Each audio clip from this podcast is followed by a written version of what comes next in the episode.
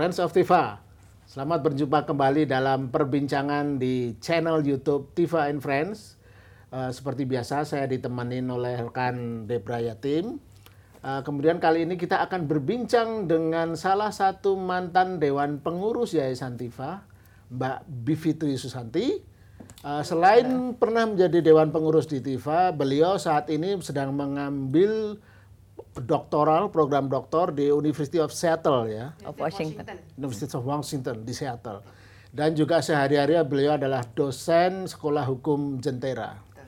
Nah kita akan berdiskusi dengan soal yang lagi in, lagi hot, lagi diperbincangkan tapi sempat sedikit tergusur dengan isu virus corona.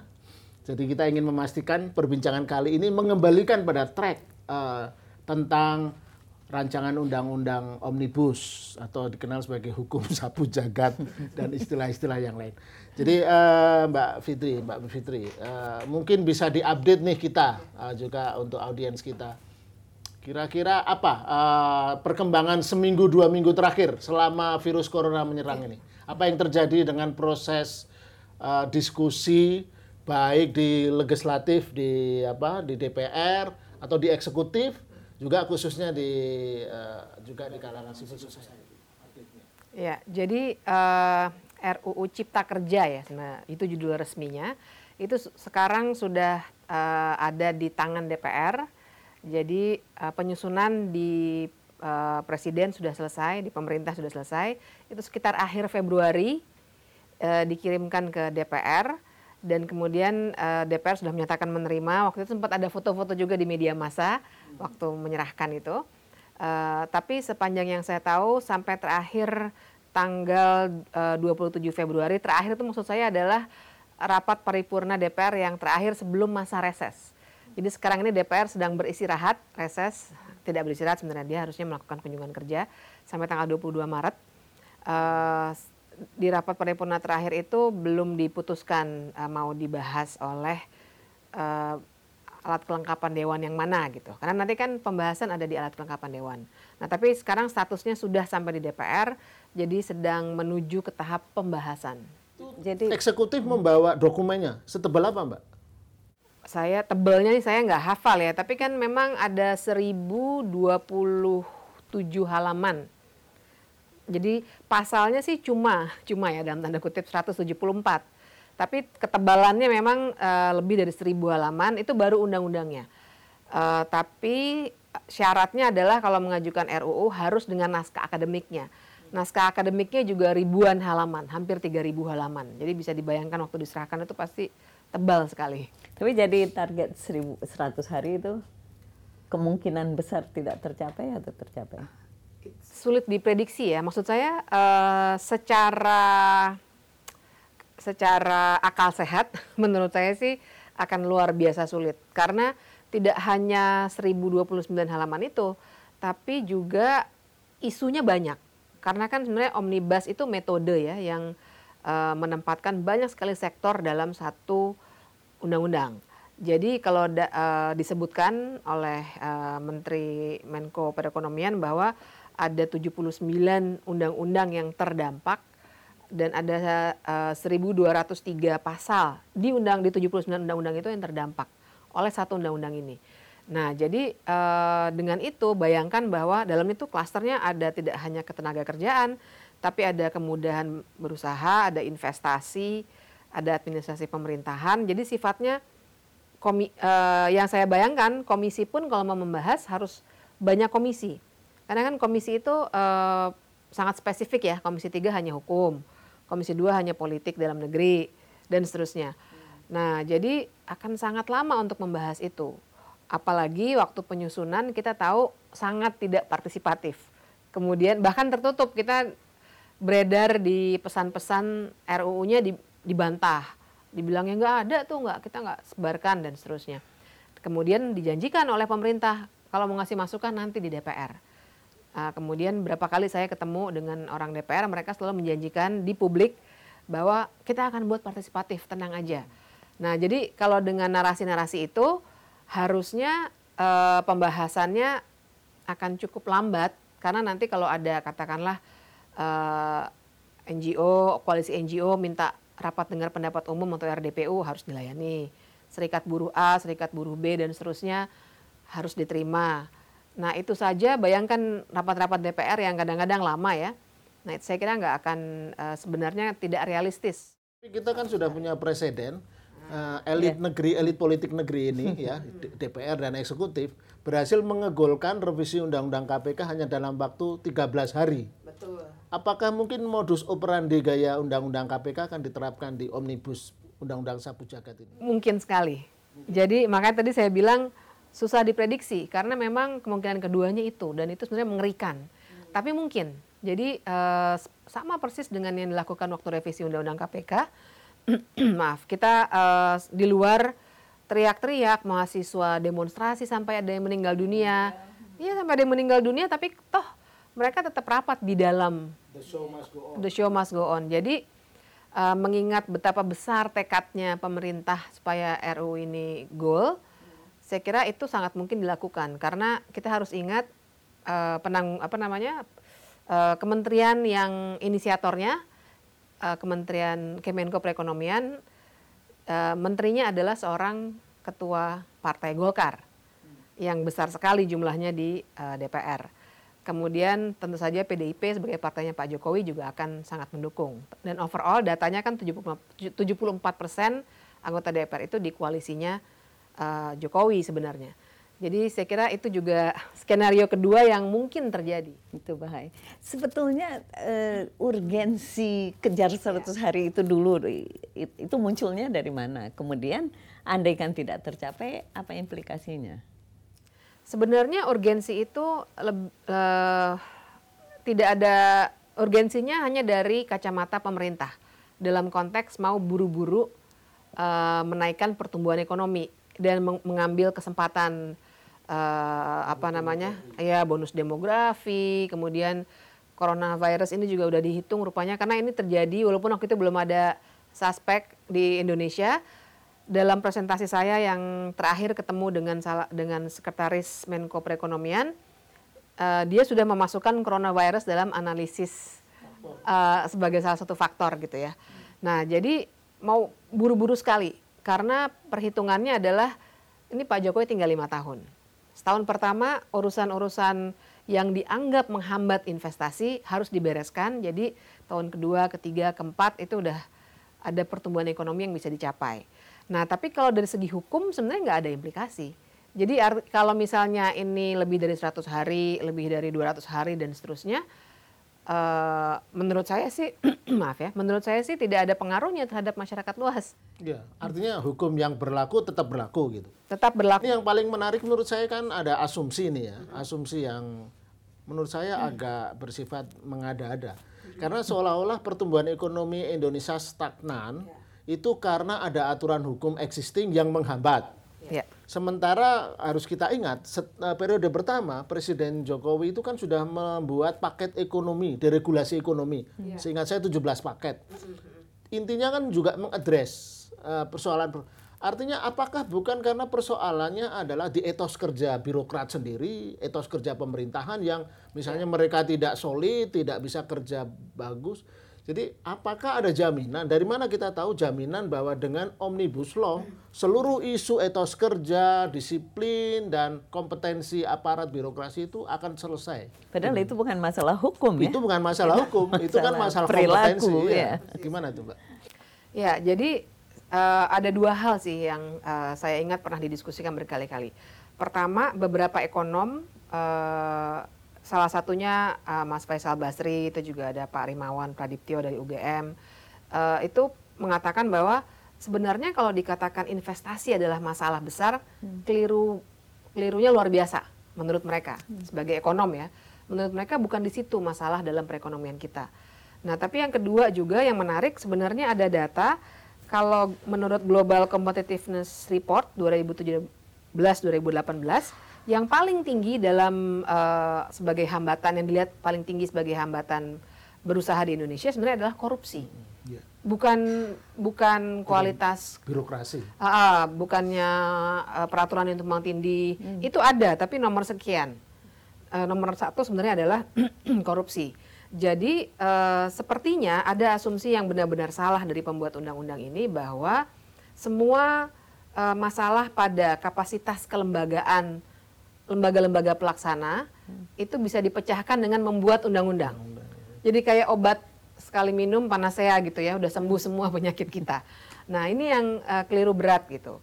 Uh, menurut saya justru kalau misalnya kita langsung lompat logikanya bikin undang-undang, padahal kapasitas kelembagaan, kapasitas SDM para eksekutor di bawah itu tidak diselesaikan, maka akan terulang lagi begitu undang-undang ini akan dilaksanakan, gitu.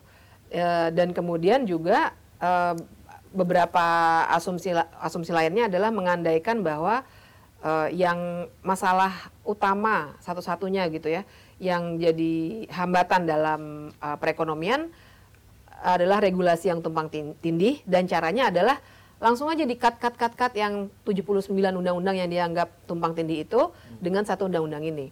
Nah, padahal ini ada apa namanya diskusi juga ya minggu lalu saya diskusi dengan seorang ahli uh, yang uh, sangat ekonomis tapi dia lebih besar perspektifnya dia sering bantu di banyak negara. Terbukti bahwa cara-cara cepat ini kan instan nih omnibus. Sama aja kayak kita makan mie instan gitu. Mungkin enak cepet. Tapi tidak menyelesaikan masalah kelaparan kita gitu sebenarnya. Nah, Dan berbahaya untuk berbahaya untuk uh, jangka panjang. Jangka panjang. Hmm. Jadi menurut dia kalau memang ada tumpang tindih peraturan, perbaikinya misalnya dengan cara bikin badan regulasi yang secara jangka panjang mengenyahkan undang-undang, perda, permen yang berantakan itu. Hmm. Tapi kalau cuma diambil satu sektor, terus langsung dibabat semuanya 79 undang-undang lainnya, itu secara jangka panjang nggak akan menyelesaikan masalah sama sekali. Ini benar-benar cuma cara instan saja. Gitu. Nah ini kalau kita lihat kan masyarakat ketika mula pertama wacananya dihembuskan mm akan ada omnibus law, mm suara yang lantang banyak kan di dalam masyarakat ya suara Faisal Basri dan kawan-kawan. Dan apakah itu tidak menjadi masukan? Tidak itu dia yang kita yeah. sebagai civil society permasalahkan. Tidak didengar atau bagaimana menurut? Kalau menurut saya sih tidak didengar. Jadi uh, ekonom, kemudian juga NGO, ya cukup banyak. Bahkan uh, teman-teman di LBHI juga membuat koalisi ya. Hmm. Kemudian para serikat buruh juga sudah cukup banyak sampai turun ke jalan juga. Uh, eh, NGO lingkungan, Walhi, Aisel juga membuat kajian yang cukup baik. Uh, maksudnya makalah yang uh, referensinya banyak, baik sekali lah menurut saya. Nah, tapi itu semua diabaikan uh, dari pihak uh, Kemenko Perekonomiannya sendiri waktu itu memang ditutup total.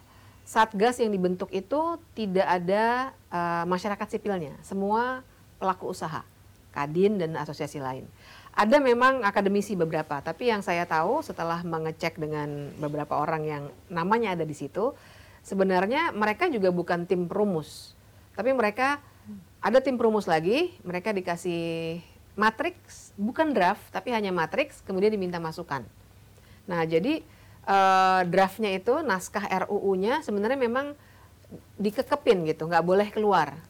Bahkan uh, salah satu komisioner ombudsman bilang bahwa ada yang mengadu mereka suruh tanda tangan uh, perjanjian tidak boleh mengeluarkan naskah itu. Ya, jadi ada semacam praktek-praktek uh, seluman-selumun gitu, rah merahasiakan. merahasiakan. Mungkin bisa dielaborasi lagi. Jadi aspek-aspek apa saja hmm. yang telah hmm. dilanggar dalam proses due diligence, proses hmm. yang lazim untuk uh, memunculkan peraturan perundangan gitu. Ya, secara kita semua tahu pasti di negara demokratis pastinya harus partisipatif tapi juga secara undang-undang sebenarnya sudah jelas di ada pasal 96 di Undang-Undang tentang pembentukan peraturan perundang-undangan, Undang-Undang 12 tahun 2011 dikatakan bahwa semua proses mulai dari perencanaan, penyusunan, pembahasan itu harus partisipatif dan Terbuka. tentu saja logikanya gimana mau partisipasi kalau tidak transparan kan? Gimana kita memberi masukan kalau tidak pegang naskah? Jadi disebutkan juga bahwa akses ke dokumen itu harus dibuka. Hmm. Nah, ini yang sudah dilanggar sebenarnya. Hmm. Partisipasi itu uh, tidak ada. Partisipasi hanya dari satu kelompok pemangku kepentingan. Kelompok lainnya buruh, NGO dan banyak lainnya, nelayan juga karena ada pengaruhnya pada hmm. uh, soal-soal kelautan juga. itu sama sekali tidak Aktivis dikonsultasikan. lingkungan. Aktivis lingkungan juga Bagaimana tidak. dengan diktum gini? Ada dalam pembuatan hukum misalnya, ketika mau membuat undang-undang militer, jangan Hmm. usulan itu datang dari militer. Mau membuat Hmm. undang-undang tentang apa sesuatu spesifik, jangan masyarakat itu biar fair harus uh, eksponen masyarakat di luar itu. Artinya ini yang punya kepentingan kan memang uh, kalangan ekonom ya, uh, bisnis, industri. Tapi kan mereka yang merancang. Itu gimana? Sebenarnya tidak sepenuhnya tepat sih. Eh, harusnya orang yang terdampak itu diajak berkonsultasi. Karena yang harus diingat adalah namanya teks undang-undang itu kalau kita baca pasti belum belum bunyi ya istilahnya. Kita belum tahu dampaknya sampai kita melakukan analisis dampak. Nah, analisis dampak itu yang seharusnya mengajak semua yang terkena dampak. Ini yang tidak dilakukan. Jadi eh, saya yakin kalau ini bisa dijawab oleh pihak pemerintah, pasti akan dikatakan, oh kita udah pernah ngajak si A, si B, dan seterusnya. Tapi bisa kita sampaikan lagi bahwa betul-betul yang namanya naskah RU itu tidak bisa diakses sampai di hari di mana eh, RU itu sampai ke DPR, baru diupload. ya. Sekarang bisa diakses nggak di Sekarang sudah bisa diakses. internet, terbuka? Iya, terbuka. Dan waktu saya tanya ke beberapa aktivis eh, serikat buruh, mereka bilang enggak, kita cuma ketemu ngobrol seperti ini mungkin sekitar beberapa menit, dibilangnya kami sudah bicara dengan serikat buruh. Nah, jadi silakan diverifikasi lagi, tapi dalam eh, kalau kita cek namanya partisipasi secara resmi kan harusnya dokumentasi ada semua. Dan itu bisa di, eh, saya kira bisa saja dibuktikan lebih lanjut bahwa eh, partisipasi itu memang tidak pernah terjadi dan ini yang menurut saya sudah melanggar. Nah, tapi sekarang naskahnya sudah bisa dibaca. Sekarang sudah ada, bisa. Ada waktu, ada jeda yang cukup, masih reses DPR. Eh, hal inikah akan mengubah eh, alur yang sedang terjadi sekarang yang penuh seluman apa? Seluman-selumun. Seluman-selumun akan terjadi keterbukaan karena prosesnya sudah sampai ke DPR atau masih kita akan lihat terulang Dan pertanyaannya dengan Nightmare begitu KPK banyaknya itu. pasal yang akan Dan dibahas, Nah, apakah publik punya kemampuan men, apa, memahami Iya. dan semacam itu? Iya, ini ini concern saya yang utama karena saya punya kekhawatiran bahwa memang ya di frame seperti itu bahwa ya, ya sudah kalau kalian nggak setuju pasal 170 misalnya kan kemarin diributkan pasal itu ya mengenai undang-undang bisa diubah oleh peraturan pemerintah. Kita delete saja pasalnya misalnya atau kamu tidak suka pasal mana, kita ganti saja.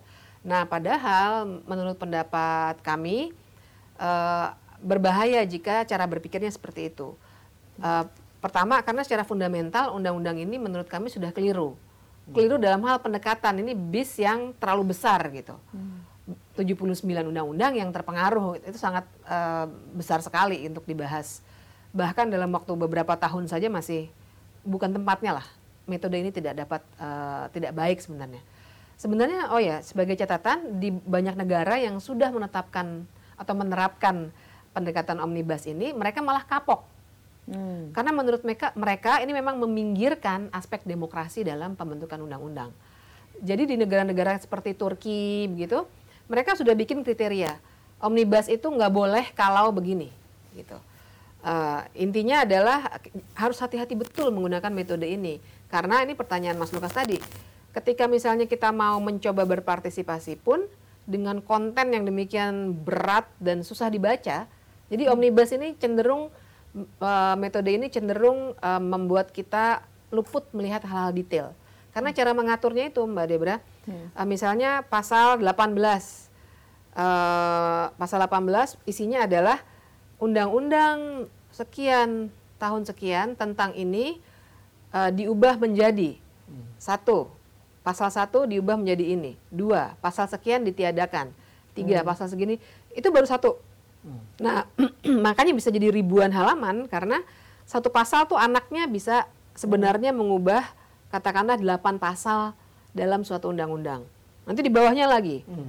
Dalam undang-undang lain dia mengubah 10 pasal.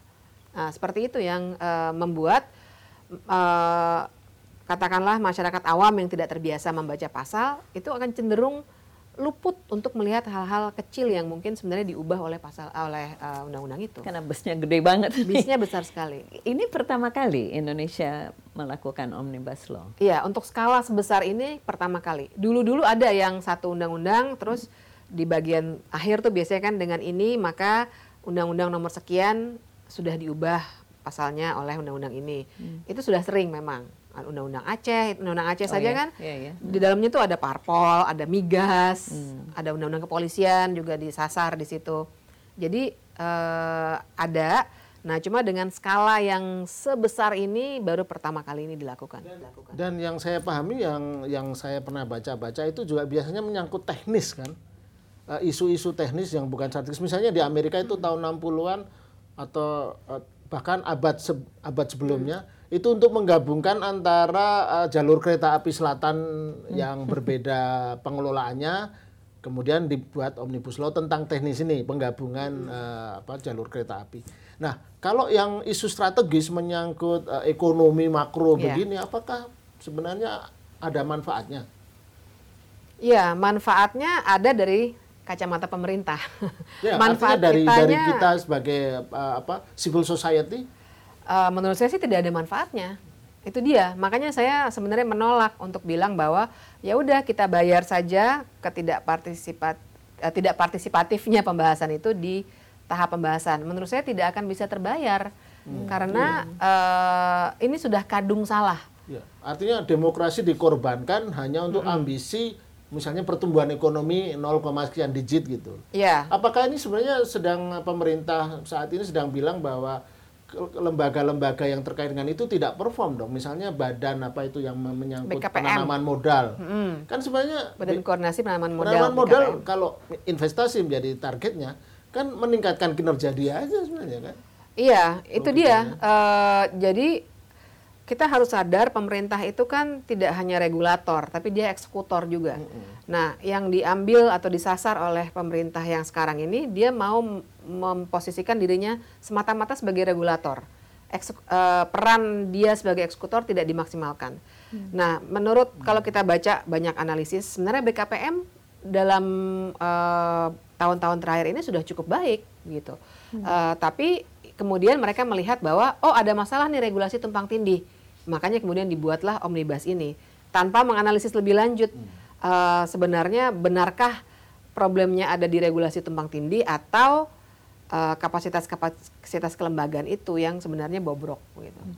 Andai kan kita mau melihat positif lah, ada hmm. ada bagian-bagian yang katanya akan memangkas red tape birokrasi yang kebanyakan hmm, hmm. untuk satu investasi betul, betul. dari asing misalnya hal itu menurut Mbak Bibip akan akan terwujud. Jadi tadinya ada 100 hari untuk mengerjakan satu peraturan lalu dalam 10 hari bisa selesai ada modal asing datang ke Indonesia. Itu bisa terwujud tapi uh, at the cost of something else. Hmm. Jadi maksud saya begini, pendekatan dari Omnibus Law ini adalah dia mengubah uh, pemberian pendekatan pemberian izin menjadi risk based approach namanya.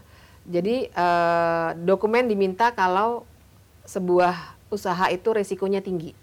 Nah, jadi jadi dengan itulah makanya perizinan jadi lebih cepat. Jadi bisa hmm. masuk dulu semua, jadi bukan perizinan lagi sebenarnya. hari maksimal. Ah, bisa masuk semua dokumen, mereka bisa langsung berbisnis, nanti baru dikasih dokumen-dokumennya belakangan. Kalau memang risiko tinggi. Hmm. Nah, akibatnya adalah misalnya AMDAL. AMDAL hmm. hanya diminta kalau resikonya resiko usahanya tinggi. Nah, uh, jadi itu tadi cepat tapi at what cost? Hmm. Kalau ternyata dalam hal sustainable development itu tidak ter terjadi. Jadi mungkin mungkin ya uh, saya kira saya masih meragukan. tapi kalaupun ada pertumbuhan ekonomi, mungkin bisa terjadi katakanlah tiga tahun.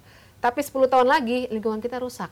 Yeah. Buat apa gitu? Hmm. Ini sebenarnya yang masalah fundamentalnya di situ itu tadi anda katakan uh, amdal jadi hmm. lingkungan kalau katanya uh, undang-undang pers juga keterabas dengan omnibus yeah. law ini iya yeah, jadi di, di porsi mana itu dia itulah uniknya undang-undang ini jadi memang kita jangan tertipu dengan judulnya RUU Cipta Kerja hmm. tapi sebenarnya kalau kita lihat konsepsi awal dari bulan Oktober sebenarnya dari dari udah lama ya tapi konsepsi awalnya itu undang-undang tentang uh, iklim kemudahan berusaha Nah, jadi memang tujuannya adalah kemudahan berusaha. Kemudahan berusaha itu jadi cara pandangnya, ini bacaan saya tentu saja tidak tertulis di situ, tapi cara pandangnya bacaan saya adalah e, mereka melihat kemudahan berusaha itu bisa dilakukan dengan cara apa? Memberikan fasilitas kepada pengusaha dan menjaga stabilitas. Nah, cara untuk menjaga stabilitas salah satunya tentu saja pers. Kemudian loh kok saya nunjuknya ke Mas Lukas ya, tapi ya pers. Kita tunjuk aja kan dia. Jadi uh, pers Misalnya juga itu. ekspresi masyarakat juga Ekspresi kan? masyarakat. Kemudian juga pengamanan investasi. Karena di situ juga ada undang-undang kepolisian itu termasuk yang terpengaruh. Eh, karena salah satu tugas penting dari polisi nanti juga menjaga investasi misalnya. Jadi eh, Implikasi buruh tidak boleh demonstrasi misalnya. Atau itu lain lagi? bisa saja nanti ada dampak seperti itu. Itu yang belum terbaca di dalam teks kan. Tapi dengan ada perangkat itu yang sudah tersedia, saya kira nanti bisa terbaca implikasinya nanti ke situ. Karena banyak hal juga ya selain lingkungan tadi, ke buruh juga seperti itu. Em, apa namanya itu at what cost ya sekali lagi. Mungkin berusaha jadi mudah, tapi eh, skema kesejahteraan buruh terpengaruh. Terus bahwa yang hal-hal yang dulunya pengusaha itu kalau melanggar hak hak buruh ada ya sanksi pidana, Sanksi, ya. sekarang jadi sanksinya administratif, Longgar, lebih longgar. Mbak Mbak Fitri ini pertanyaan terakhir nih. Eh, ke- jadi eh, itu sepertinya dengan proses dan banyak mudaratnya ketimbang maslahatnya ini ya kalau kita ngomong eh, dalam bahasa Istilahnya itu. nah kira-kira apa yang bisa dilakukan civil society seperti TIFA misalnya untuk eh, ya kayaknya kes- kesan saya tadi kan memang Mbak Fitri sebagai pakar hukum sudah ini harus ditolak. Ya apa yang harus dilakukan civil society? Untuk Padahal beliau tidak mengatakan itu loh tadi. Tadi mengatakan, mengatakan Nah, tapi boleh lah dikonfirmasi. Oke. Jadi kalau kalau saya dalam posisi memang eh, menolak, dalam arti yaitu tadi saya khawatir kalau eh, disuruh ganti-ganti pasal saja, fundamentalnya sudah salah. Jadi eh, perubahan pasal pun nanti malah akan membuat undang-undang yang sudah salah ini kemudian tambah sulam, jadi makin kacau. Lebih baik dihentikan saja, jangan dibahas dulu. Karena begitu banyak implikasi negatifnya itu tadi mudorotnya lebih banyak. Nah, jadi saya kira eh, tapi secara realistis susah sekali untuk menghentikan RUU ini. Harus harus diakui. Eh, sehingga syahwat pemerintah udah begitu besar ya. sudah begitu besar. Ini kan seperti janjinya Pak Jokowi soalnya kan, Iya. pertumbuhan ekonomi. Dia ingin sekali ada legacy yang jelas gitu. Nah, jadi apa yang NGO bisa lakukan? Menurut saya sih harus lebih keras bersuara supaya pada akhirnya memang RU ini bisa dihentikan pembahasannya ataupun bisa dilakukan selama mungkin lah.